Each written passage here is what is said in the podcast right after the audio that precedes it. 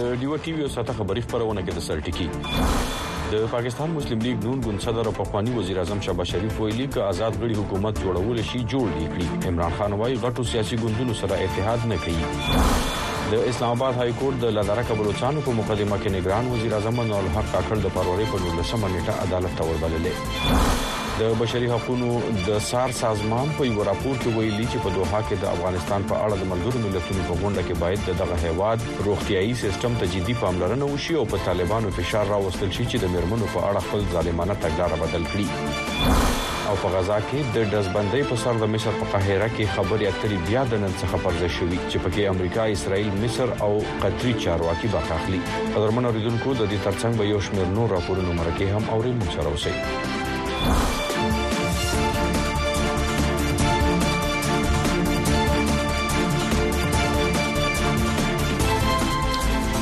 ستړي مشئ زه يم اشفاق مند وایس اف امریکا ډیوه ټي وي د نهې ورځ د کال دوه زره څلېرویشتم فرورۍ د میاشتې دیارلسمه نېټه ده. دا وخت پاکستان کې د شپې لس، افغانستان کې نهه نیمې او په واشنګټن ډي سي کې د غرمې دولس بجې دي. راځو د نن ورځې مهم خبر پلو ته. د پاکستان تحریک انصاف ګوند مشر عمران خان د مسلم لیګ، پیپلز او د ایم کیو ایم ګوندونو سره په ګډه د حکومت کولو وړاندیزونه رد کړي. د اتمې فرورۍ د انتخابونو وروسته د حکومت جوړولو لپاره د ملک لوی سیاسي ډلو ترمنځ مذاکرات شروع شوي دي. نور د ډیوه خبریال الیاس خان صاحب څخه تفصیل اخلو چې دا وخت راسره سکایپ د لارې ملګری شوی الیاس خان صاحب ستړي مشه ډیره مننه تاسو خوشاله اوسئ مننه الیاس خان صاحب دا وخت خبرې اترې په راتلونکي حکومت جوړولو باندې تر کوم ځای رسیدلې دي او کم کم سیاسي ګوندونه هغه د راتلونکي د حکومت په اړه باندې دغه دریزونه سدي کدا غراته وایي جی اشفاق صاحب بلکل سنګه چی زموږ کتونکو اوریدونکو ته پته ده دا وخت چی کوم یو تقسیم مینډیټ ته یا سپلټ مینډیټ ته د پاکستان په پارلیمان کی راغلی دی نو په هغه کی دری واړو ګوندونو دغه هڅی ګړندی کړی دی چی دغه حکومت جوړ کړي خاص کر په دی کی پاکستان مسلم لیګ نون وړاندی دی څوک چی د اکثریت ووټونو دعوه کوی او ورپسی بیا پاکستان تحریک انصاف هم دغه داینه غټه دعوه کوی کې تقریباً یو سل اتیا پورې د دوی چوکۍ به راشي چې کومې دغه قضیې دا وخت په الیکشن کمیشن کې روانې دي او دوی ډېر په اسانه باندې په سنټر کې او په پنجاب کې او خیبر پښتونخوا کې حکومتونه جوړولی شي خو بل چې کوم خاص کر مسلم لیګ نون دا وخت لږه پریشانۍ ښکار هغه وخت شو کله چې د پاکستان پیپلز ګوند سنټرل ایګزیکټیو کمیټۍ د غونډې وروسته نن شریک چیئرمین بلاول بټو زرداري بیا یو مطبوعاتي غونډه کې دغه وویل چې دوی به د صدر، د چیرمن سینټ او د سپیکر قامي اسمبلۍ د چوکو لپاره خپل امیدواران میدان ته کوزوي خو د وزیراعظم چې کوم چوکۍ ده دغه پاکستان مسلم لیګ نون ته پریښې ده په دغه باندې دې دوی خپل امیدوار راولي دوی به یې ملاتړ کوي ووټونه به ورکوي خو د وفاقي کابینې برخه به نه جوړیږي. خو د دغه باندې هم د ګوند چې کوم صدر دی شهباز شریف هغوی هغه د بلاول بوټو او د آصف علي زرداري شکریا ادا کړې ده او ویلي دي چې په ګډه سره به دا دواړه ګوندونه هیواد د موجوده اقتصادي او د سیاسي دې بې ثباتۍ نه بهر راوباسي. دغه رنګ عمران خان هم د جیل نه په خپل ایکس یو پیغام کې ویلي دي چې د ټولو نه زیات مینډیټ دا وخت په پاکستان کې پاکستان تحریک انصاف ته ولس ورکړی دی او ده د ټو ترډ دعوه په دې کې کړې ده چې په دریو کې دوه ووټونه تحریک انصاف ته راغلي دي او د ټول پاکستان نه دوی ته ووټونه ملاو شوي دي او حکومت سازي د دوی کار دی که چېرې د دوی دا مینډیټ غلا کړل شو نو د دې به ډېر خراب اغېزې په پاکستان چې د وړاندې نه مشکلاتو سره مخ دی او اقتصاد او سیاست پرې نور ګډوډۍ لوري ته لاړ شي نو ځکه دغه دوه ګوندونه چې وړاندې نه خلکو پېژندلي دي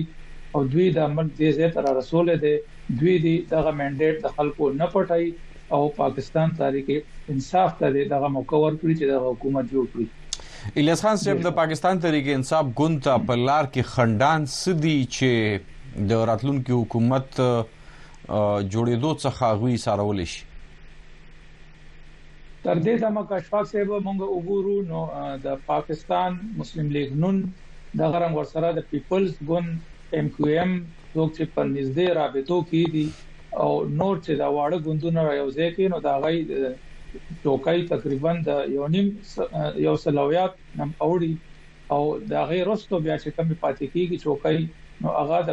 پاکستان تحریک انصاف سره بیا دومره چوکۍ نه پاتې کیږي خو هغوی بل طرف ته دغه دعوه کوي چې کوم لا تر اوسه پورې دغه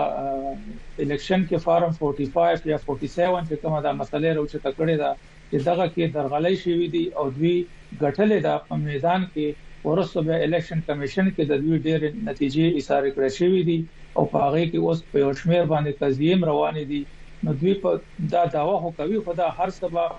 کله مخې ته راځي کله چې د پاکستان د ټاکنو کمیشن ددې سرکاري نتیجو اعلان وکړي افیشل ګزټ کې دا هر څه راشي د هغې وروسته به بیا پته لګي چه واقعی د پاکستان تحریک انصاف دومره چوکۍ دوی سره شته هم او که نه دوی هسی صرف خپلی دعوی د فشار اچولو د پاره کوی ډیر ښه. ډیره مننه الیاس خان صاحب ستاسې. مننه. مننه.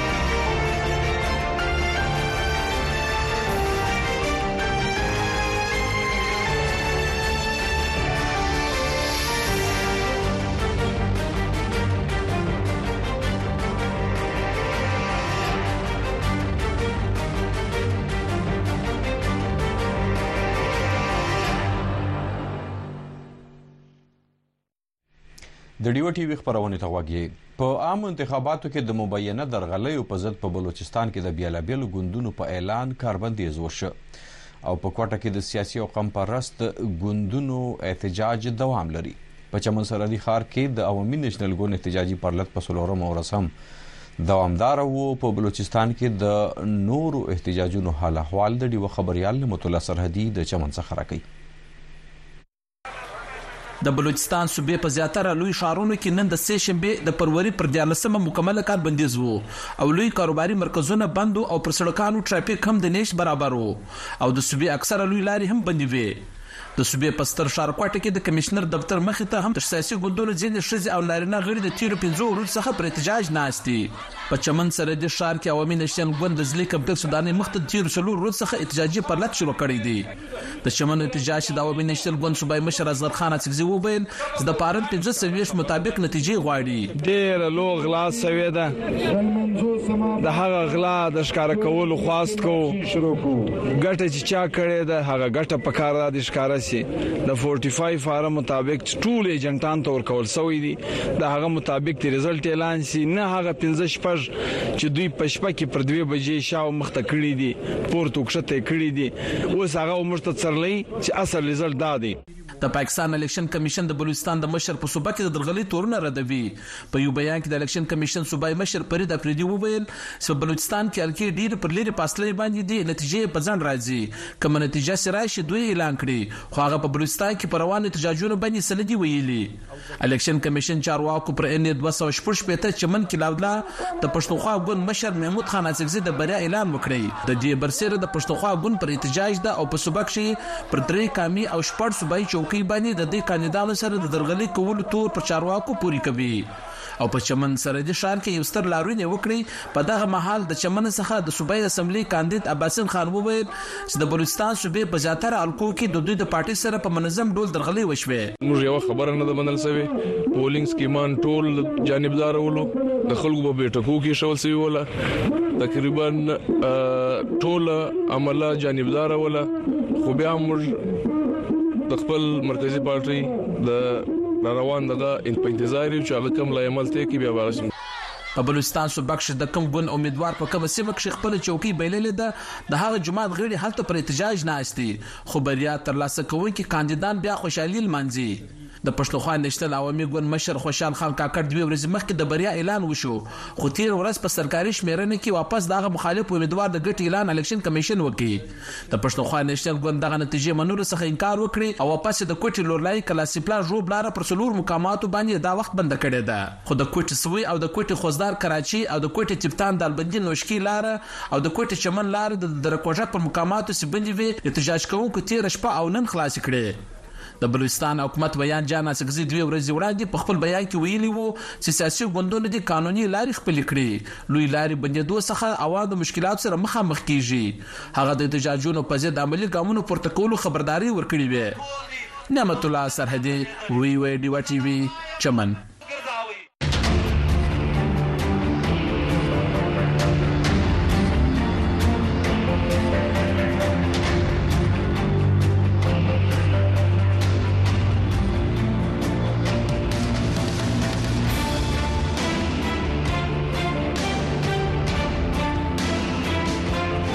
د دیو سره اوسئ امریکا او ملګرو ملتونو د پاکستان په انتخاباتو کې په مبینه توګه د درغلیو د تورونو په بشپړه توګه د پلټنو غوښتنه کړې خو د پاکستان نگران حکومت ویلي که پلټنې کوي نو د امریکا برتانیې او اروپایي اتحاد په غوښتنه یې نه کوي بلکې په خپل طریقې کار به یې کوي نور تفصیل د اسلام آباد نه د ډیوه خبریال ارشد حسین په خپل راپور کې وړاندې کوي د امریکې د بهرنو چارو د وزارت ویاند د ګل په ورځ خبري غونډه کې د پاکستان د انتخاباتو په اړه پوښتنو ته په خپلو ځوابونو کې ویلي، د پاکستان په انتخابي عمل کې د ځینو ګډوډیانو مشاهده شوې او په دې اړه یې پاکستان خبر کړی دی چې د خلکو د رایو احترام دې وشي. د امریکې د بهرنیو چارو د وزارت ویاند ویلي، دا یقیني کول غواړي چې د لاسوهنې او د ټګۍ کوم تورونه چې مخې ته راغلي، د پاکستان قانون لاندې دې د هغې پلټنې وشي او دا چې په راتلونکې ورځو کې به په دې نظر ساتي. همدا ډول د ملګرو ملتونو عمومي منشي انتوني ګویترس هم په پاکستان کې د ټاکنو وروسته د ستونزو په قانوني توګه په هوارول کېدو ټینګار کړی دی او ویلي دي چې د پاکستان په صورتحال یې نظر ساتلی دی او د داسې عمل څخه دې ډډه وکړي شي چې د تاوتریخوالي سبب جوړیږي. علي ازجد ملي د سیالکوټ څخه د قامي اسمبلۍ په درې اویایمه حلقه کې ازاد امیدوار و او په انتخاباتو کې د درغلو تورونه لګوي او انتخابي کمیشن ته ورغلی دی. دی وايي. رات ساړې دس بجې جب هماري جي. کله چې د انتخاباتو د عمل ختمېدو وروسته د شپې موږ په لویه شمېره کې مخکې وو، نو د هغې وروسته موږ د ریټرننګ افسر له دفتر څخه په زوره وویستل شو. خو زموږ په وړاندې د نتیجو را ټولول ونه کړای شول، بلکې د ارو په دفتر کې د مخالف مسلم لیګ نون ګوند د امیدوار نه علاوه بل هیڅ څوک نه ول او په بله ورځ ماښام ناڅاپي اعلان وکړای شو چې مخالف امیدوار وګټله زموږ سره ټول فارم پنځه څلوېښت موجود دي. له دې وړاندې هم امریکې، یورپي یونین او برتانیې د پاکستان په انتخاباتو کې د روڼتیا او د ټولو د ګډون په نشتوالي او د انتخاباتو په مهال د موبایل ټیلیفونونو او د انټرنیټ په بندیز اندیښنه څرګنده کړې وه. د پاکستان نګران وزیراعظم انوارالحق کاکړ پرون د ګل په ورځ یوې خبري غونډې ته وویل چې پاکستان کې منصفانه انتخابات شوي، ټولو ګوندونو پکې یو شان برخه اغستې ده او که د انتخاباتو په اړه پلټنې کوي هم نو د امریکا، برتانیې او د یورپي یونین په غوښتنه به یې نه کوي، پاکستان یې خپله تګلاره لري. د محمد ابراهیم پلار اجمل خان د باجوړ د صوبايي اسمبلۍ د حلقې یوویشتمې څخه ازاد امیدوار و. بنیادي شکایت زمونږ دا دی چې دا الیکشن چې دی دا مونږ ګټلی و، زمونږ و پندره هزار آټ سو پانچ ووټو او د سردار خان چې دی نو هزار نو سو 19 وټو نو هغه باندې موږ خپل شکایت دلته دا یو پام 45 هم د پاکستان د انتخاباتو کمیشن هم په انتخاباتو کې د درغلو تورونه رد کړي دي په ایکس خبره کړې خبرپاڼه کې الیکشن کمیشن ویلي د انتخاباتو په کولو او انتخابي عمل کې ورته ګڼ شمیر چیلنجونه ور مخې ته وو خو بیا هم انتخابات په ټاکلي نیټه کړي دي فارم 45 هر کاندیدټ ته ملاويږي نو بیا اوس مثال دا دی چې دا غي نه پته لګي چې آیا په فارم 47 باندې چې کم وټونه کوي د یو کینډیډیټ هغه فارم 45 سره ټیلی کې چې هغه صحیح دي که صحیح نه دي نو کاغه سره صحیح وي ولې چې هغه 45 باندې د پریزایډینګ افسر د ختم وي په بیا ټیک ده او که هغه سره مثال صحیح نه وي نو بیا دې مطلب دا چې رزلټ بدل شوی دی یا په 47 کې کم زیات شوی دی الیکشن کمیشن د انتخابي عمل په اړه ویلي د درغلې د یوې نیمې پیښې نه انکار نه کوي او د هغې د پاره خپل فورمونه شته الیکشن کمیشن هلته شکایتونه وړي او سمدستي فیصله پر اوروي ارشد حسین وایس اف امریکا دیوا اسلام آباد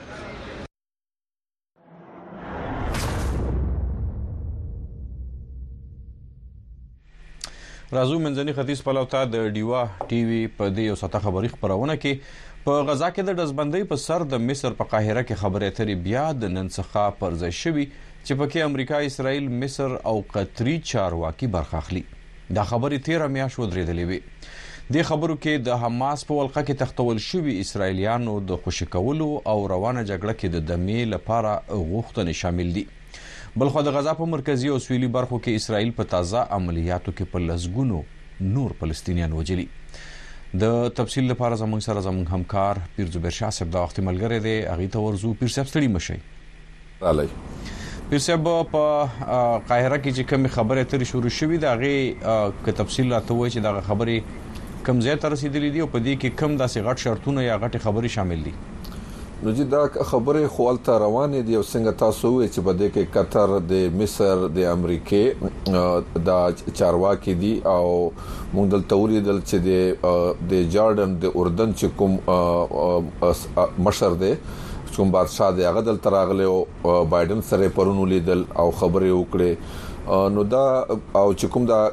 مصر کې دا خبرې روانې دي د خبرې مخ کې هم یو ځل کامیاب شوې مونږ ولیدل چې هغه کې سل پورې چې کوم يرغمال اسرایلیانو هغه خوشې کړی شو او نور فلسطینیان خوشې کړل نو دا سو میاشتو نه دا خبرې روانې دي او په دې کې دوی اسرائیل اسرائیل طرف نه تجویز او بیا حماس پکې ځان له تجویز ورکړیو نو هغه انټونی بلینکن وایي چې زنه خبرې پکې دا سوي چې هغه باندې خبرې نشوي کېده خو اوس هم دا سزنه خبرې وي چې هغه باندې زنه داسې شکونه او پاغه کې په هغه تجویزونو کې چې دوی په خبرې کولې شي او تمه لري چې دا خبرې به کامیاب شي نو خبرې هم د کدي چې اسرائیل وایي چې موږ ته وتا سودا کوم کسان دي دا برا خوشي کوي او فلسطینیان او حماس والا دوی دا ورته وایي چې موږ تاسو دا جنگ چې کوم دی دا ودروي خو اوس دلته دا دی چې اسرائیل ورته ویلي دي چې موږ په رفح ته به دا جنگ غزو التبه دا جنگ شروع کوو اول ته خلکو ته ویلي دي چې دوی دې وځي او دغه علاقه ده چې دا د مصر سره په بارډر باندې ده نو دلته اوس دا تشویش زیات شوی دی او سفارتکاریم ډیره ده او موږ به ګورو چې د څه نتیجه راوځي پیر صاحب تاسو څنګه ویلې د اردن پاچا عبد الله هم دا وخت امریکا په سفر دی 13 ورځ د امریکا صدر جو بایډن سره لیدل کاتې شوې دي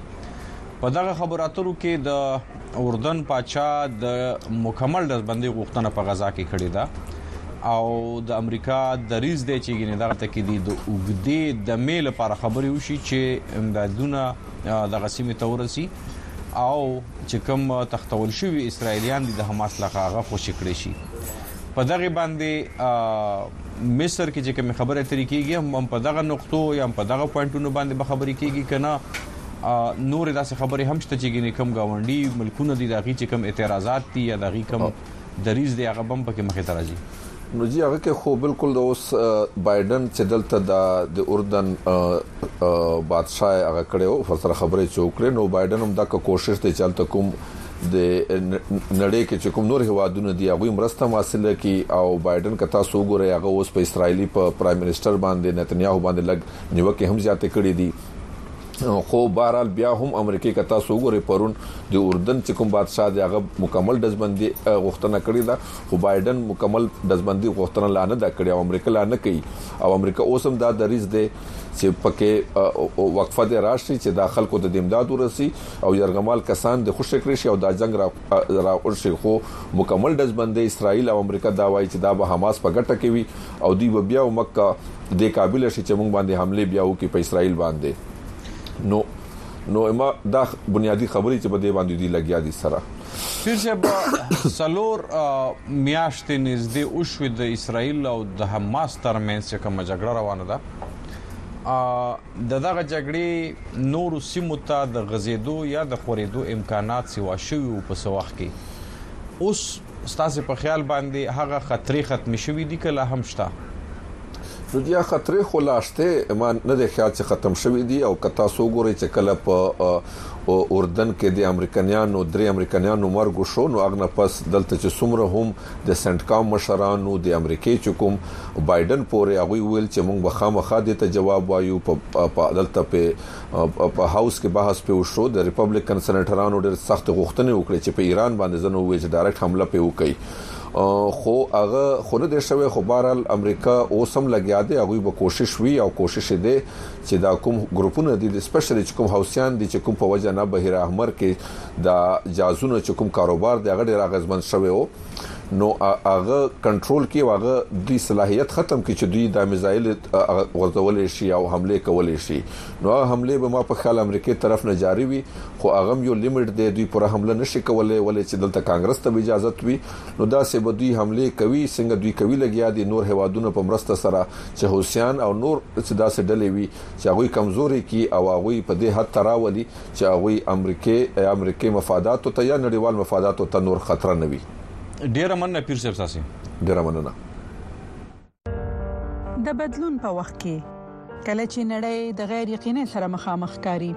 او کله چې موږ ساورو هغه هغه شان نخ کاری چې څنګه وینو موږ د اړتیا ولټون کوو موږ ته چې کله نیمګړی قصه ویل کیږي مونږ پر باور بیلو د کڑکېچ په شیبو کې زمون خوبونه امیدونه او د غوړه سباوند لپاره زمون ارزوګانې آزادې میډیا ته اړتیا لري په وایس اف امریکا کې مونږ تاسو ته داسې خبرونه راوړو چې د قتل لپاره خلک د خطر سره مخامخ کوي، موږ نړۍ سره یو ځای کوو او رښتیا سره یې پیوست کوو. په وایس اف امریکا کې موږ تاسو ته پوره عکس درښایو.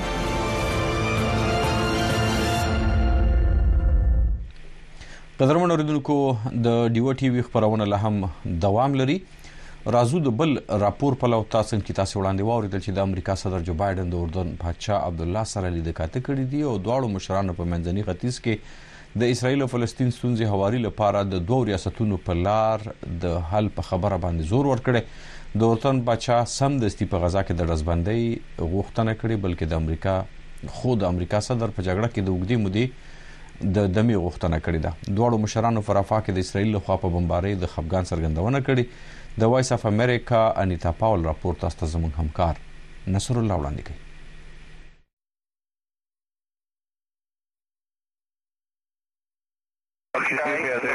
دا د غزا د جنوبي ښار رفا مناظر دي چې اسرایلی ځواکونو د ګل یا دوشنبه په سهار په برید وکړ او د حماس لخوا د اکتوبر په ومه په اسرائیل باندې د برید وروسته نیول شوي دوه یرغمال شوي یې وژغورل،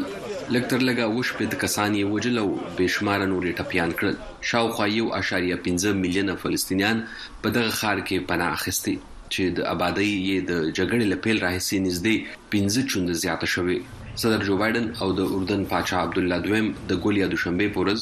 په دې اتفاق وکړ، چې د یرغمال شوو خوشې کولو،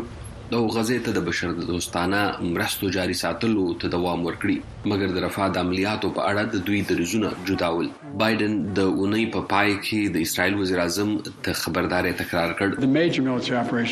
په رفاه کې لوی پوځي عملیات باید د باور وړ پلان بغیر پر مخ لاړ نه شي، چې هغه یو میلیون نه د زیاتو خلکو خوندیتوب او ملاتړ په پام کې وي، کومو چې هلته پناه اخیستې. دوی باید محفوظ وي او موږ هم لا د اول نه په دې ولاړ یو، چې موږ له غزې نه د فلسطینیانو د جبري بې ځایه کېدو مخالفت کوو. خو عبدالله په دې اړه نور هم کلک و. موږ په رفح باندې د اسراییلو د برید توان نه لرو، ځکه چې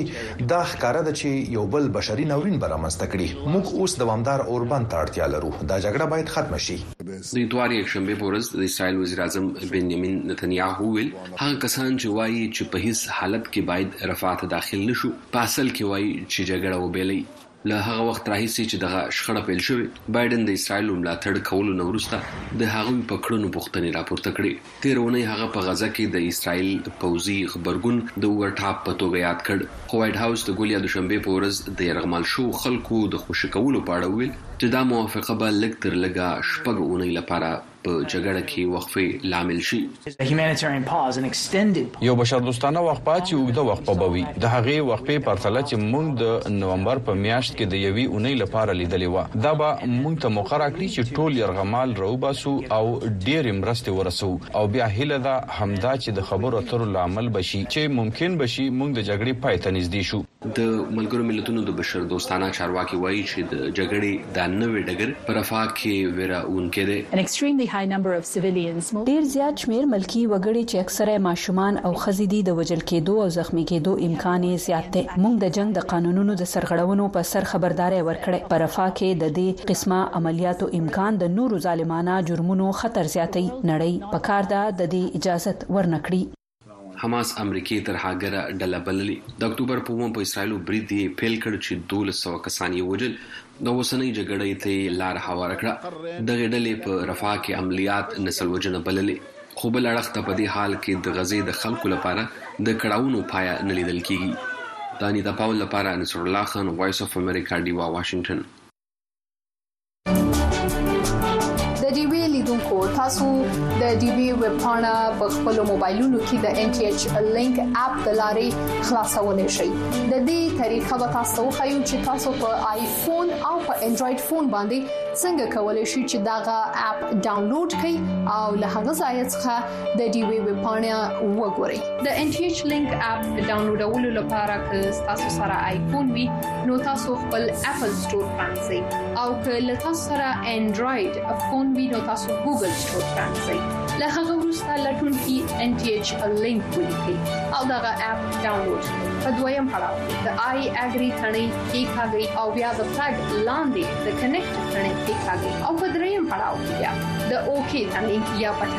کې کاږي لکه نکټېدو وروسته تاسو د دې وی پاڼه پرانیزئ او د خپل خوښې خبرونه وګورئ او له هغه ځایه تاسو کولی شئ چې د خپل خوښې ټول پروګرامونه ریپورتونه او لیکنې ولولئ او وګورئ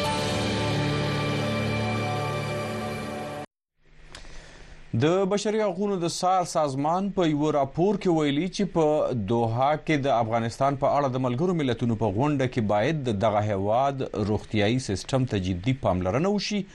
او په طالبانو فشار راوستل شي چې د مرمنو په اړه باندې خپل ظالمانه پالیسي چې خپل کوم ظالمانه پالیسي دی غو بدل کړي دغه په اړه باندې په خپل راپور کې د افغانستان څخه د اشنا ټي وي خبريال احسان الله اریوبي نور تفصيل تاسو ته وایي د بشري حقوقو د څار سازمان په یو راپور کې ویلي چې د افغانستان د عامه روغتیا په سیستم کې د بهرنیو مرستو چټک کمښت او د طالبانو له خوا د ښځو او نجونو په وړاندې جدي ظلمونه د میلیونونو خلکو روغتیايي حقونه له خطر سره مخ کړي دي.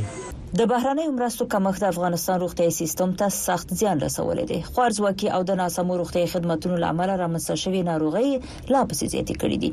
په ښځو او نجونو باندې د طالبانو محدودیتونه روغتیايي خدماتو ته د لاسرسي مخه نیولې او روغتیا ته یې د هغوی حق له خطر سره مخ کړی دی. یاد اته دېرش مخیز راپور چې سرلیک یې د راتلونکي لپاره ناورین د افغانستان د عامې روغتیا بحران دی، وايي چې د بسپنه ورکوونکو لخوا د بشرپاله مرستو چټک کموالي روغتیايي خدماتو ته لاسرسی نور هم کمزوری کړی، اقتصاد یې بې ثباته کړی او د خوړو خوندیتوب یې خراب کړی دی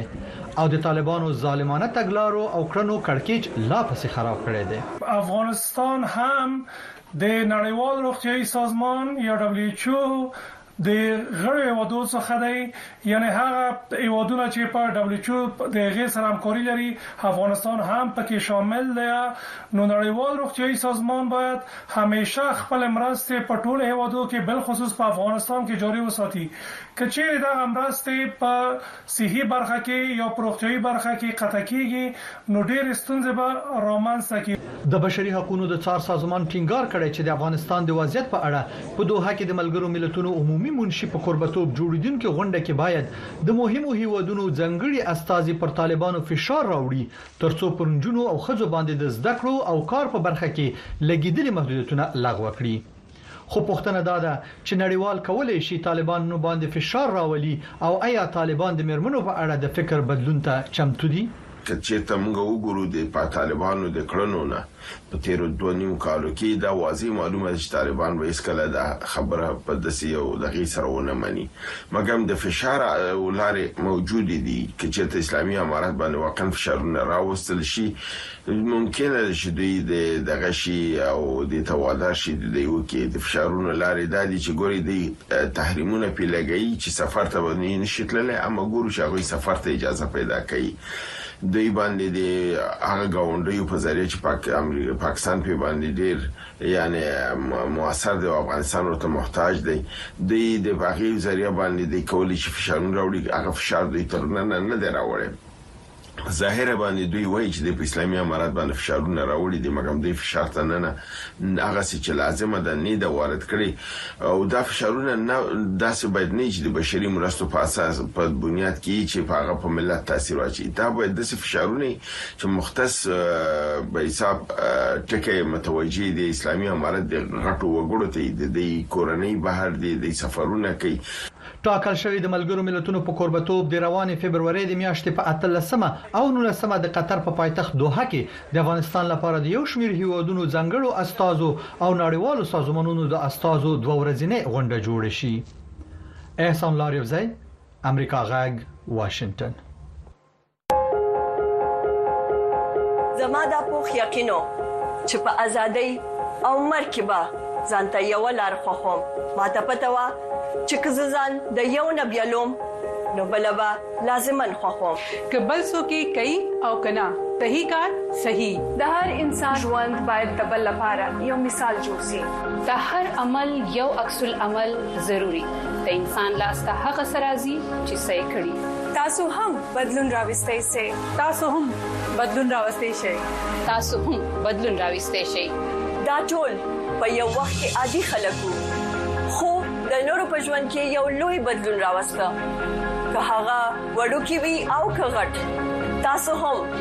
دغه بدلون راوستلی شي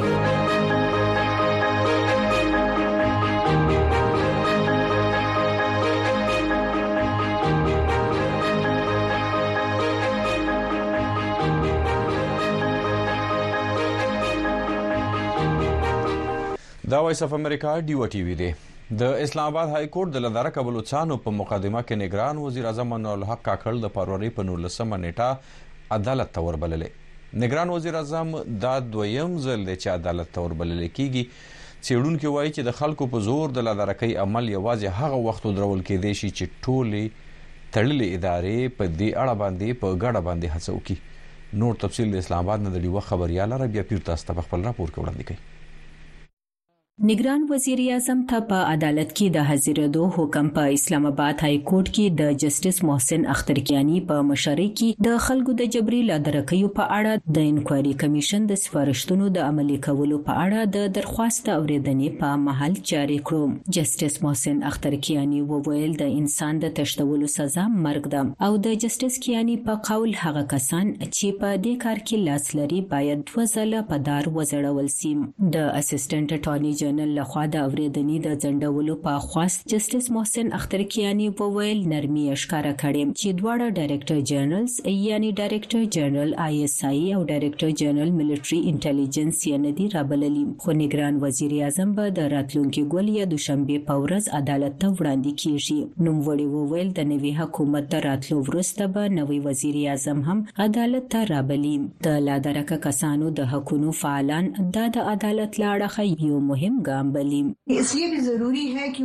دا په دې هم ضروري دی چې په زور د لادرکۍ ذمه واري پر وزیراعظم وي، ولې چې وزیراعظم د ټولو استخباراتي ادارو هم مشر وي. هیله لرم چې دغه ستونزې به هواري اړخ ته یووړل شي.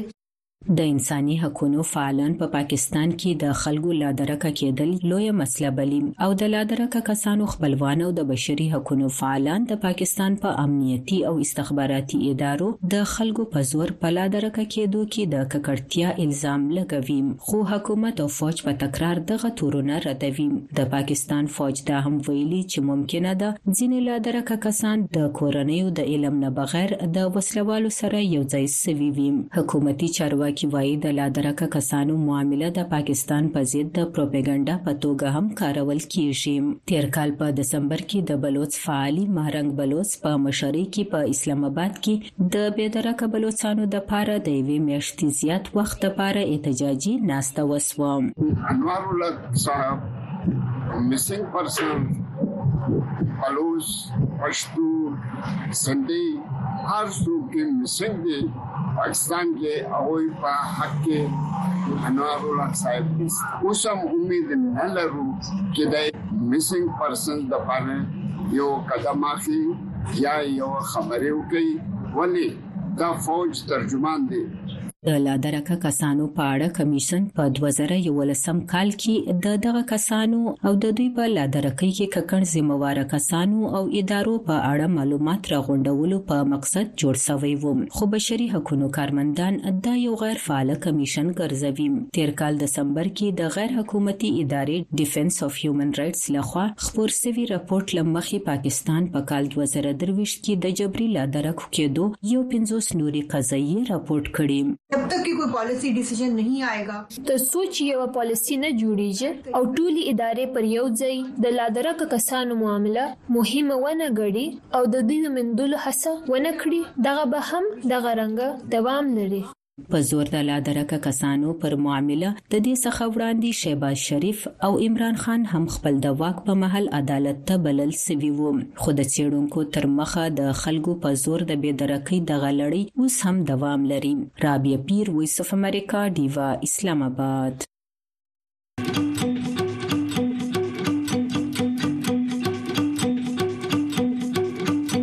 وی وی دیوا په سټلایټ ټي وي هر ورځ سلویریش ساته په دیشنټینا تاسو په یو ټل سټلایټ په ټي وي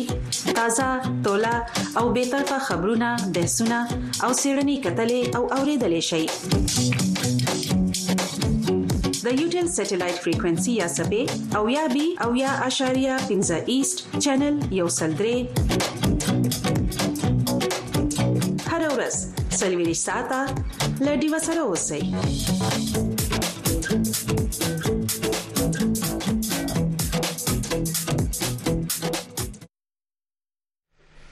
په پا پاکستان کې د اتمې فروری د ټاکنو په سیاسي ګوندونو د حکومت سازي پړاو کې دي او ځوانان وایي چې په ملک کې د سیاسي بې ثباتۍ لامل دوی اندېښمن دي او غواړي چې حکومت زر جوړ شي چې د بیروزګارۍ، امنیت، معاشي ستونزو او نورو مسلو هواري ته د حکومت پام راوګرځي. د ډیوه خبریال ارشد مومند د ځوانانو سره په دغه موضوع خبرې کړي. که زما خپل پهله ووټ و کنه نو مطلب زه هر ټایم نیوز ته ناست یم چې دا کله به حکومت کینی کله به د دې ملک حالات ټیک کیږي او د دې ملک حالات خو هغه پرې نشي ټیک کیدای چې کله پرې حکومت کینی بس. اوس د ملک د حالات ډیر زیات خراب روان دي د دې زر په کار چې د زر تر زر مطلب حکومت کې نه کنه هغه پر دا ملک اکونومي او د پولیټیکل دا مسلې نشي حل کېدای چې کله پر حکومت نه ناس یو نقصان دا غدا چې د مونږ پولیټیکل پارټیسیپیشن چې مونږ همیشه کو کوشش کوو د مونږ په پاکستان دغه پر جوړ چې مونږ لکه ډیموکراټیک ډیموکراټیک شو پولیټیکل موبلایز شو خو چې دا ماته نه لګي نو دغه وجه خو پیله خو غټ نقصان دا غدا چې مونږ پولیټیکل موبلایز زه خپل خبره زه کوم زه یوت یم او زمونږ 70% یوت دی نو څنګه چې ما سوچ دی داسې په بل یوت هم سوچ وی چې هغه ته خپل منډیټ نه ملاويږي نو اوبویسلی هغه به نیکسټ پولینګ کې خپل ووټ نه کیسټ کوي یاره ځوانان خو کته سوچو کې اوس پریویس ایئر هم چې کم دي د نیم نه زیات چې کم دي زیات تر ځوانان چې کم دي هغه ابراډ لاړ سټډي پس سو په سټډي باندې لاړ سو په ورک پرمنټ باندې لاړ ویزا باندې لاړ نو ځوانان ډیر مطمئن نه دي خو چون کې چې اوس حکومت یو سټیبل حکومت راشي زموږ په ملک باندې او هغه د ملک معیشت لکه کې دا حالات لک سټیبل کینو خامخا ځوانان به څه کوم اپروچ دا به خپل ملک راځي اصل کې زموږ چې دی ټول معاشي حال چې هغه زموږ ډیر اوس دی وخت ډیر خراب دی لکه په کار چې اوس خامخا دی اوس داسې اقداماتو کې زموږ د عمل چې دی د بحران نه بهر کی مطلب زموږ ملک ډیر په ډاون لیول روان دی چې موږ خپل ارد ګرد ګورو ملکونو ته انډیا شو افغانستان شو رشیا شو چاینا شو د دوی هر ورځ په ډیولپمنٹ بر روان دي نو او موږ پاکستان په ډاون روان نو موږ ته پکار ده چې دا زموږ څومره پولیټیکل پارټیز دي دوی د را سره کین خبره دیو کی او دا ملک دی په ترقې باندې بوزي د بدلون په وخت کې کله چې نړۍ د غیر یقیني سره مخامخ کاری او کله چې موږ ساورو هغه هغه شان نخ کاری چې څنګه یې وینو موږ د اړتیا ولټون کوو موږ ته چې کله نیمګړی قصه ویل کیږي موږ پر باور بیلو د کڑکېچ په شېبو کې زموږ خوبونه، امیدونه او د غوره سباوون لپاره زموږ ارزوګانې ازادې میډیا ته اړتیا لري. په وایس اف امریکا کې موږ تاسو ته داسې خبرونه راوړو چې د کتلو لپاره خلک د خطر سره مخامخ کوي، موږ نړۍ سره یو ځای کوو او رښتیا سره یې پیوست کوو. په وایس اف امریکا کې موږ تاسو ته پوره عکس درښایو.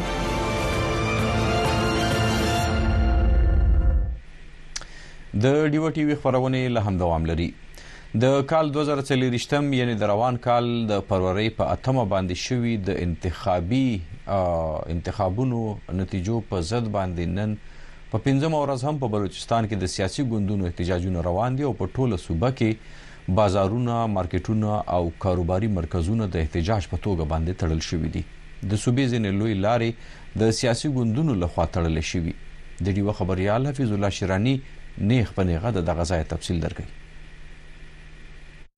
سلامونه حفیظ الله استوری شیرانه یم تاسو وایس اف امریکا ډیوه ګورئ په پاکستان کې پر اتمه فروری چې کوم انتخابات سوي وو د هغو انتخاباتو د نتیجو پر ضد د ملک د نورو سیمو په څیر په بلوچستان کې هم د سیاسي ګوندونو لخوا څخه د آزادو کاندیدانو لخوا څخه احتجاجونه دوام لري نن پنځم ورځ هم د بلوچستان په بیلابیلو شهرونو کې پر لویه کچه احتجاجونه روان دي، سړکونه بند دي. دا وخت زه د بلوچستان ایالت په سر ښار کوټه کې د کمشنر د دفتر ومخ ته یم چیرې چې د څلورو پنځو جماعتونو شریک احتجاجي پرلت روان دی. که په دې پرلت کې موږ ګورو یوه خوا ته په ګڼ شمیر کې نارینه سیاسي فعالان دي خو بله خوا ته دلته ښځینه هم په ګڼ شمېر کې په دې احتجاجونو کې له دوی سره شریکې دي. دلته په ننني پرلت کې د هزاره ډیموکرېټیک ګوند ښځینه فعالې همدغسې د نېشنل پارټۍ د ډاکټر عبدالمالک ګوند چې دی د هغوی ښځینه فعالې هم موجودې دي. له موږ سره د نېشنل پارټۍ د بلوچستان د زنانو استازیتوب باندې کلثوم بلوڅ راسره ده. ډېره مننه ډیوه ته د وخت راکولو مو. دا احتجاج په باره کې راته ووایسته ستاسو غوښتنې څه دي؟ نن زموږ د احتجاجي درنې پنځمه ورځ ده او په دې احتجاجي درنې کې څلور سیاسي جماعتان شامل دي، پښتونخوا ملي عوامي پارټي، نیشنل پارټي، بلوچستان نیشنل پارټي او هزاره ډیموکراتیک پارټي. زه تاسو ته دا وایم چې سیاه ترین انتخاباتو د د الیکشن په ورځ الیکشن پروسس چې دی فري اینډ فیر وشو، د الیکشن د پروسس بعد، د ماشام ټایم سي د زمش فارم 45 زمش ته مش پولینګ ایجنټانو راوړو د فارم 45 په تحت مش سي د خپل سیټان غټلیو لیکن د افسوس خبره ده چې د 9 فروری پر سار سي د مش ته د فارم 49 را کوچ په هغه کې داسې نمائندګان سلیکټ سي چې د هغو د دې علاقو سره تعلق هم نشته او د عوام یې نه پیژني چې دا څوک دي د کومه راغلي دي او ولې راغلي دي تاسو واسطه چې نتیجې بدلې شوې نتیجې نتیجې بدلې کړې دي زموږ پر منډیټ یې چې دوی شپخون دغه کوي موږ د ووټ عزت غواړو دلته چې دوی موږ جمهوریت نمائندگان په اسمبلی کې غواړو موږ پلانټډ خلک نه غواړو ولې چې د بلوچستان حالات ډیر کشیده دي نن بلوچستان بلوچستان چې دوی ډېر بدحاله دی د بلوچستان عوام ډېر په غم او په غوسه کې دي که دا رنګ حالات ریاست دلته پیدا کوي خو زه تاته دغه وایم چې د بلوچستان مظلوم او محکوم اقوام هغه سي دی هغه چوپ نه کښینې مش دغه پیغام ورکوي ادارو ته دغه پیغام ورکو چې خدا را مش اصل نتایج مشترک تاکي مش په اسمبلی کې چې دوی خپل د عوام مسائل الکو مش د عوام چې دوی محرومیان الکو مش د دا بلوچستان چې د شورش زده ختی چې د مش د مسائل الکو تاسو زه ډیر مننه وایم تاسو زه ډیر شکر گزار یم ثانک یو تاسو د کلثوم بلوچ خبري واوریدلې د بلوچستان په پښتني سیمو کې د پښتونخوا ملي عوامي ګوند ترڅنګ د پښتونخوا نېشنل عوامي ګوند لخوا څخه په کلاسیف لا کې په جوب کې مسلم باغ کې او په نورو سیمو کې هلته لارې تړل شوې دي احتجاجونه روان دي هغه هم دغه تورونه پورې کوي چې د دوی د مشرتابه یا د دوی د ګوند د کاندیدانو نتیجې چې کومې دي هغه بدلې شوې دي هم دغه سي په کلا عبد الله کې د جمعیت علما اسلام له خوا څخه احتجاج روان دی د عوامي نشل ګوند له خوا څخه لورلای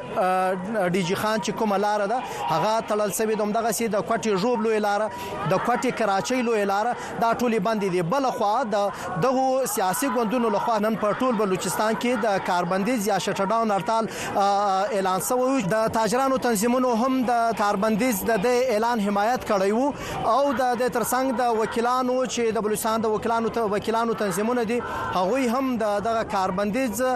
حمایت اعلان کړی او نن د بلوچستان په بلابلو سیمو کې چې کوم عدالتونه دي په هغه کې وکیلان د احتجاج په توګه نه دي پیش شوي د سیاسي ګوندونو لخوا څخه چې پر الکشن کمیشن باندې کوم تورونه لګیدلي دي هغه تورونه الکشن کمیشن او پاکستان رد کړي دي او ویلي دي چې دوی په سختو حالاتو کې د خپل ذمہواري تر سره کړې ده چې کوم تورونه لګول شوي دي وایي د هغوی د سپیناوي لپاره قانوني او آئیني لارې سته دغه سیاسي ګوندونه او هم کوم خلک چې دا تورونه لګوي هغه د هغه آئیني او قانوني لاره خپله کړي.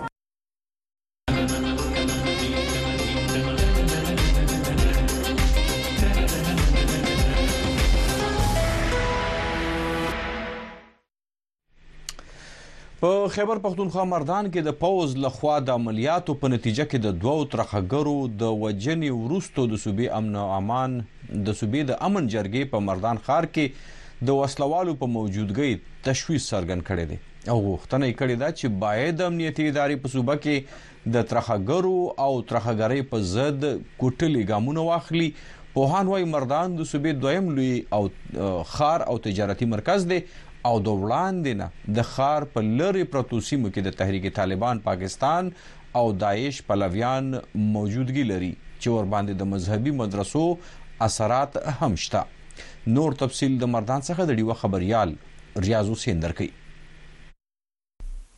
د خیبر پښتونخوا د امن جرګې مشر سید کمال شوایي د صوبې جنوبي او قبایلی ضلع د وړاندې نه د ترهګرۍ ښکار دي او بیا په مرکزی برخو کې د ترهګرو موجودګي د تشویش وړ خبره ده دی وایي دا د راتلونکي صوبایي حکومت او امنیتي ادارو ذمواري ده چې د دې مخه ونیسي په دغه علاقو کې داسي خلک دي مخکې چې کوم دي پولیس سره دغه مقابله شوې دي دا غي چې کوم دي زمونږ لا انفورسمنت سو زمونږ سو ایجنسي دي سکیورټي فورسز دي سره شوې دي دې علاقو کې دلته د دې خلکو موجودګي زمونږ د ولس لپاره د تشویش د تشویش او باعث او د حکومت لپاره د تشویش باعث د پوځ د عامو اړیکو څانګه آی ایس پی آر وایي په دولسمه فرورۍ پوځ د ترهګرو د موجودګۍ په ادعا په مردان ساوالډیر سیمه کې کاروايي کړې او د ډزو په نتیجه کې یې دوه وسله وال وژلي. ځايي پولیس او د سیمې خلک وایي د وژل شویو وسله والو پېژندګلو نه ده شوې. آی ایس پی آر دعوه لري چې د ترهګرو نه وسله، بارود او چاودېدونکي مواد هم ترلاسه شوي. څېړونکي وايي، مردان د صوبې دویم غټ او تجارتي مرکز دی او د وړاندې نه دلته امنیتي ادارو د وسلوالو په ضد وخت په وخت عملیات کړي. دوی وايي، په راتلونکي وخت کې په دې کې اضافه هم کېدی شي. خو تر اوسه پورې د تحریک طالبان له خوا دا ویل کېږي چې د هغوی خلک په مردان په هاوشا سیمو کې، مدرسو کې هغوی سره وجود لري. خو یو فکر دا هم دی چې د داعش خلک هم د داعش سره چې کوم سوچ لرونکي خلک دي هغه هم دلته کې شتون لري اوس مطلب دا دی چې د دې تیر روز چې کومه دا پیښه شوې ده دا څومره مهمه و او آیا راتلونکي وخت کې مردان براسي نور پیښې مو ایس پی آر دوه ورځې وړاندې هم دعوا کړې وه چې په خیبر ضلع کې د داعش کمانډر وژل شوی څېړنیزه اداره پیکس په خپل رپورټ کې وایي چې د جنورۍ په میاشت کې څه کم سل د ترهګرۍ بریدونه شوي چې تر ټولو زیات په خېبر پښتونخوا کې رامینځته شوي يي. روانه میاشت هم په ټول ټاکنو کې سیاسي غونډې، د امنیتي ادارو اهل کار او سیاسي مشران هم په نښه شوي يي. څېړونکي وايي سخت دریځه سوچ او بیانیه په ټول ملک کې موجود ده او د دې د مخنیوي لپاره ځانګړې بیانیې ته اړتیا ده. پوره نظام ته به پوره چینج کړې لکه دا ته به خپل نصاب کې به موږ تبدیلي راوړو موږ به چې دی دا مدرسې چې دا به ریسټرکچر کوو. دا به ريګولرايز کوو مونږ چې دې جماعتونو کنټرول چې دا به دا به ریاست خلی جماعتونه به چې دا به دا به ریاست نه بغیر بل څوک نشي جوړولای دا چې دی لکه اندغه شان مطلب سکولونه پرایویټ تعلیمي ادارې یونیورسيټي د ټولو مطلب نظام به تب بدلې پاکستان وخت په وخت تورونه لګوي چې د افغانستان خاوره د پاکستان په ضد کارول کیږي خو افغانستان تل دغه تورونه رد کړي دي. ریاض حسین، وایس اف امریکا، ډیوه، مردان.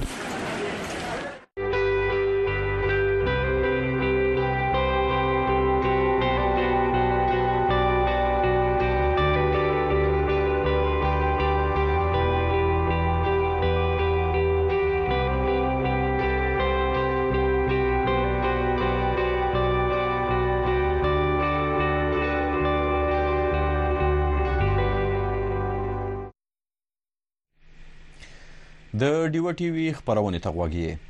د ملګرو ملتونو د ماشومان د روغتیا لپاره ادارې یونیسف د بلوچستان په سرحدي سیمه ژوب کې په ټولنه کې د پولیو وایرس په اړه د پوهاوي زیاتولو او ماشومانو ته د ناروغۍ ضد څاڅکو ورکولو د ارزښت په اړه د فوټبال مقابله انتظام کړي چې لیدو ته یې سلګونه ځوانان او د لوبو مینوال راوځي شوي او د پولیو په اړه پیغام ورکول شوی د وایس اف امریکا ډیوه خبریال په دې اړه باندې رفیع الله مندوخیل نور تفصیل تاسو ته وایي الزور پولیو کیک او فوټبال ټورنمنټ دا د ژوب د فوټبال لوبغالی دی چیرې چې لوبغاړي د لوبې په ژبه ځوانانو په تیر بیا ټولنې ته د پولیو وایرس خطرناکو پایلو او د ویکسین د ارزښت په اړه پیغام ورکوي د پولیو مخنیوي پروګرام نېشنل سټاپ وایي د سیالۍ یا ټورنامنټ جوړولو هدف نه یوازې ځوانان لوبو ته هڅول دی بلکې له دې لارې یې ټولنې ته دا پیغام ورکول دی چې خپل ماشومان له فلج کوونکي ناروغي خوندي کړي ډیسټریکټ پولیو کنټرول کنټرول روم او یونیسف کومنټ دا دا ایونت دغه کو منعقد کو دا دا د پاره کې دا پولیو شعور آگاهي مهم دی اویرنس د پاره او دا زموږ ځوانان ټول زیات تعداد باندې دا پارټیسپیټ کو او نن فائنل پروګرام دی تاکي دا دی چې دا ځوانان دې موږ ان شاء الله دا سپورټ هم کوي د سیمې یو حکومتي چارواکي چې ماشومانو ته یې د پولیو ضد قطرې ورکړې وایي، پولیو وایرس ختمول یوازې د ډاکټرانو او روغتیايي کارکوونکو ذمهواري نه ده. داسې تفریحي سیالۍ ترسره کول د پولیو وایرس په ختمولو کې په ګټه تمامېږي. بالکل اورنس دی تا ګوره اوس د کیټان جوړ دی مجسس تصویران باسل دی دا خو ګوره پولیو چې دی دا خو د غرنګ نه ختمیږي چې موږ ته یو مخلوق اویر کو او دا پارت اف اورنس دی دا چې دی د کیل دی یا نور دا میډیا پترو بل نن سبا خو انټرنیټ دور دی دا شان ډیر ضروری دی اورنس ډیر ضروری دی خالی په ډاکټران ذریعہ پولیو نه ختمیږي د ژوب د سپورټس چارواکي وایي چې سپورټس یا لوبې د پولیو وایرس په لمنځه وړلو کې مهم رول لوبولای شي ځکه چې پولیو یو خطرناک ناروغي ده د دې لمنځه وړل د ټولنې د هر فرد ذمہ واري ده دا کوم چې موجوده ټورنمنټ دی دا اوس هم د کیک اوټ پولیو په سلسله کې دی چې پولیو به څنګه ختمه ختمه علاقې ځخه یا له عوامه ځخه نو په دې سلسله کې دا ټورنمنت جوړ شوی دی خاص کر د ټورنمنت مقصد هم دا دی چې په خلکو کې یو اویرنس پیدا شي او اګای پیدا شي او شعور پیدا شي پولیو سور خطرناک مرض دی نو د پولیو خاص کر سپورت چې کوم دی هغه د پولیو په ختمېدو کې ډیر شرول مدا کول شي نو چې یو د یو میسج ورکې یو یو پیغام ورکوي دا ته هر ځای پور رسیدلای شي زو په بلوچستان کې د پولیو وایرس له پلوه یو له حساسه یا های ریسک ضلعو ده چې د افغانستان پولې او جنوبي وزیرستان ته څیرمه پرته سیمه ده په سیمه کې د فوټبال سیالي په داسې وخت کې جوړه شوې چې د بلوچستان په ځینې ضلعو کې له چاپیریال په اخیستل شوو ماحولیاتي نمونو کې د پولیو وایرس موندل شوی دی رفیع الله مندوخیل وایس اف امریکا ډیوا روډ د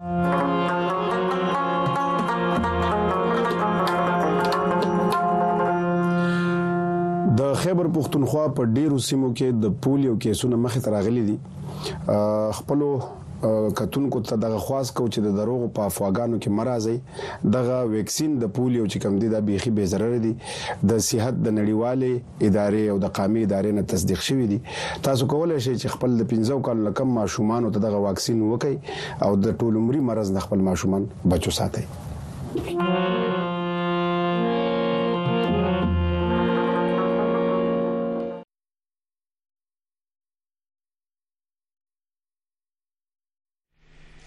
د پاکستان مرکزی بانک د راپور تر مخه سخت کال جنوري په میاشت کې د عرب هوادونو نه د پاکستانیانو لخوا کورونو ته پیسو لیګلو کې زیاتوالی راغلی او د متحده عرب اماراتو نه تیر کال هم په دې میاشت کې یو 50 فیصد او د سعودي عربستان نه 43 فیصد زیاتې پیسې لیګل شوي په دوبۍ کې د پاکستان کونسل جنرال ویلي دي چې د پاکستاني بانکونو سره تګلارې جوړي چې مسافرو ته په بانکونو پیسو لیږلو کې اسانتیاوې برابر کړي. په دې اړه د ډیوه خبریال عرفان بهادر نور تفصیل په خپل راپور کې وړاندې کوي.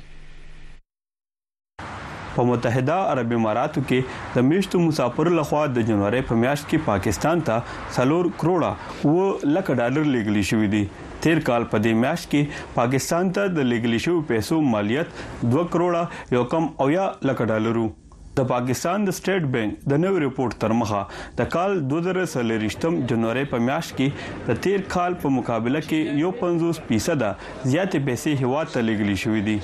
په دوبۍ کې د پاکستان قونصل جنرل وي او ویډیو ته ویلي چې د یو ای نه خلک په غیر قانوني توګه هم پاکستان ته پیسې لیږي او د پاکستان کونسلګري په مسافرو غږ کوي چې د بانکونو په لار دې پاکستان ته پیسې استوي. څوم چې پاکستاني دلته دي ډیر زیات ریمیټنسز د دې نه ځي تیر شوي کال باندې هم ډیر زیات ریمیټنس اوس ریسنټلی موږ په دې کې ډیر ایفرټ شروع کړی دي سټیټ بانک اف پاکستان سپیشلی په دې باندې فوکس کړی دی چې ریمیټنسز سیوا کړي. نو څنګه چې پاکستاني بانکس دي دلته لوکل پاکي بانک حلبیب دی ایچ بی ایل دی یو بی ایل دی نېشنل بانک دی بانک الفلاح دی د ټولو سره مونږ کونسلیټ کوارډینیشن کیو او مونږ میکانیزم ډیولپ کوو د کارپوهانو په وینا، د مساپرو له خوا لېږلې شوې پیسې د پاکستان په اقتصاد کې ښه لاس لري، خو هېواد یوازې په دغو پیسو اقتصادي پرمختګ نه شي کوی. ټیک آف اکانومي اتنا بړا نهي هی تو ریمیټنسز کي اوپر کسي. زموږ د اقتصاد دایره دومره غټه نه ده نو د بهر میشتو مسافرو له خوا لیږل شوو پیسو باندي انحصار کوو کومه چي نه ده پکار چي یو هیواد اقتصاد د دغه پیسو باندي انحصار وکړي د بهر نه راتلونکي پیسي ښه خبره ده خو یو حکومت څلیریشت کروړه خلک په دغو پیسو نشي ساتلای او نه د دغه پیسو په تمه حکومت خپل بجټ جوړولای شي. په متحده عرب اماراتو کې مېشت پاکستانیان ملک ته د پیسو لېږلو په اړه څه داسې وايي. د دوی د کور حالت خو به داسې ووایم چې لکه اوس څنګه خلک وايي چې عمراخان ګراني راوسته داسې هغسې نو موږ به د نوازشریف په دور کې به هم همدغه شپږ اووه سوه روپۍ لېږلې په هغې به کار چلېده شکر دی او اوس هم دغه شپږ اووه سوه روپۍ لېږو نو بس شکر الحمدالله کار خو پرې ښه برابر روان دی خو صرف ډالر بار راښکته شو صرف هغه مسله پکې راغله. د پاکستان سټېټ بانک د رپورټ تر مخه د سعودي عرب نه د جنورۍ په میاشت کې درې څلوېښت فیصده زیاتوالي سره پنځه کروړه او اتیا لکه ډالر لېږلي شوي چې تېر کال دې میاشت کې څلور کروړه نولس لکه ډالر وو. عرفان بهادر، وي او ډیوه، یو اې.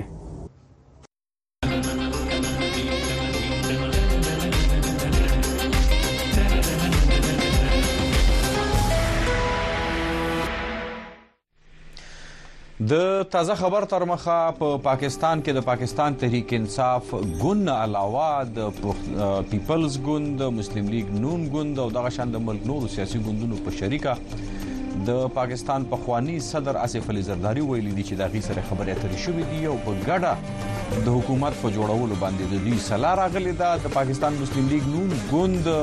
په خوانه وزیر اعظم شهباز شریف نوم یو واری بیا د وزیر اعظم لپاره نومول نومول دی او د پنجاب لپاره د میانو شریف نور مریم نواز نوم هغه ټاکل شوی دی دغه په اړه باندې اسف الزرداری په خپل خبري کانفرنس کې بیا دا هم ویلي دي چې دا وخت ملک په مشکل حالات کې دی او د ملک مشکل حالات څخه راوستو په خاطر دوی د نورو سیاسي ګوندونو سره په ګډه د دې حکومت په جوړولو سلا شوې دا ورستۍ معلومات او د خبرونه وخت هم په دې ځکه پای ته رسیدي زه اشفاق من سره د خپل همکار بختور شاه تاسو نه خلو اجازه خش په ولري د لافمان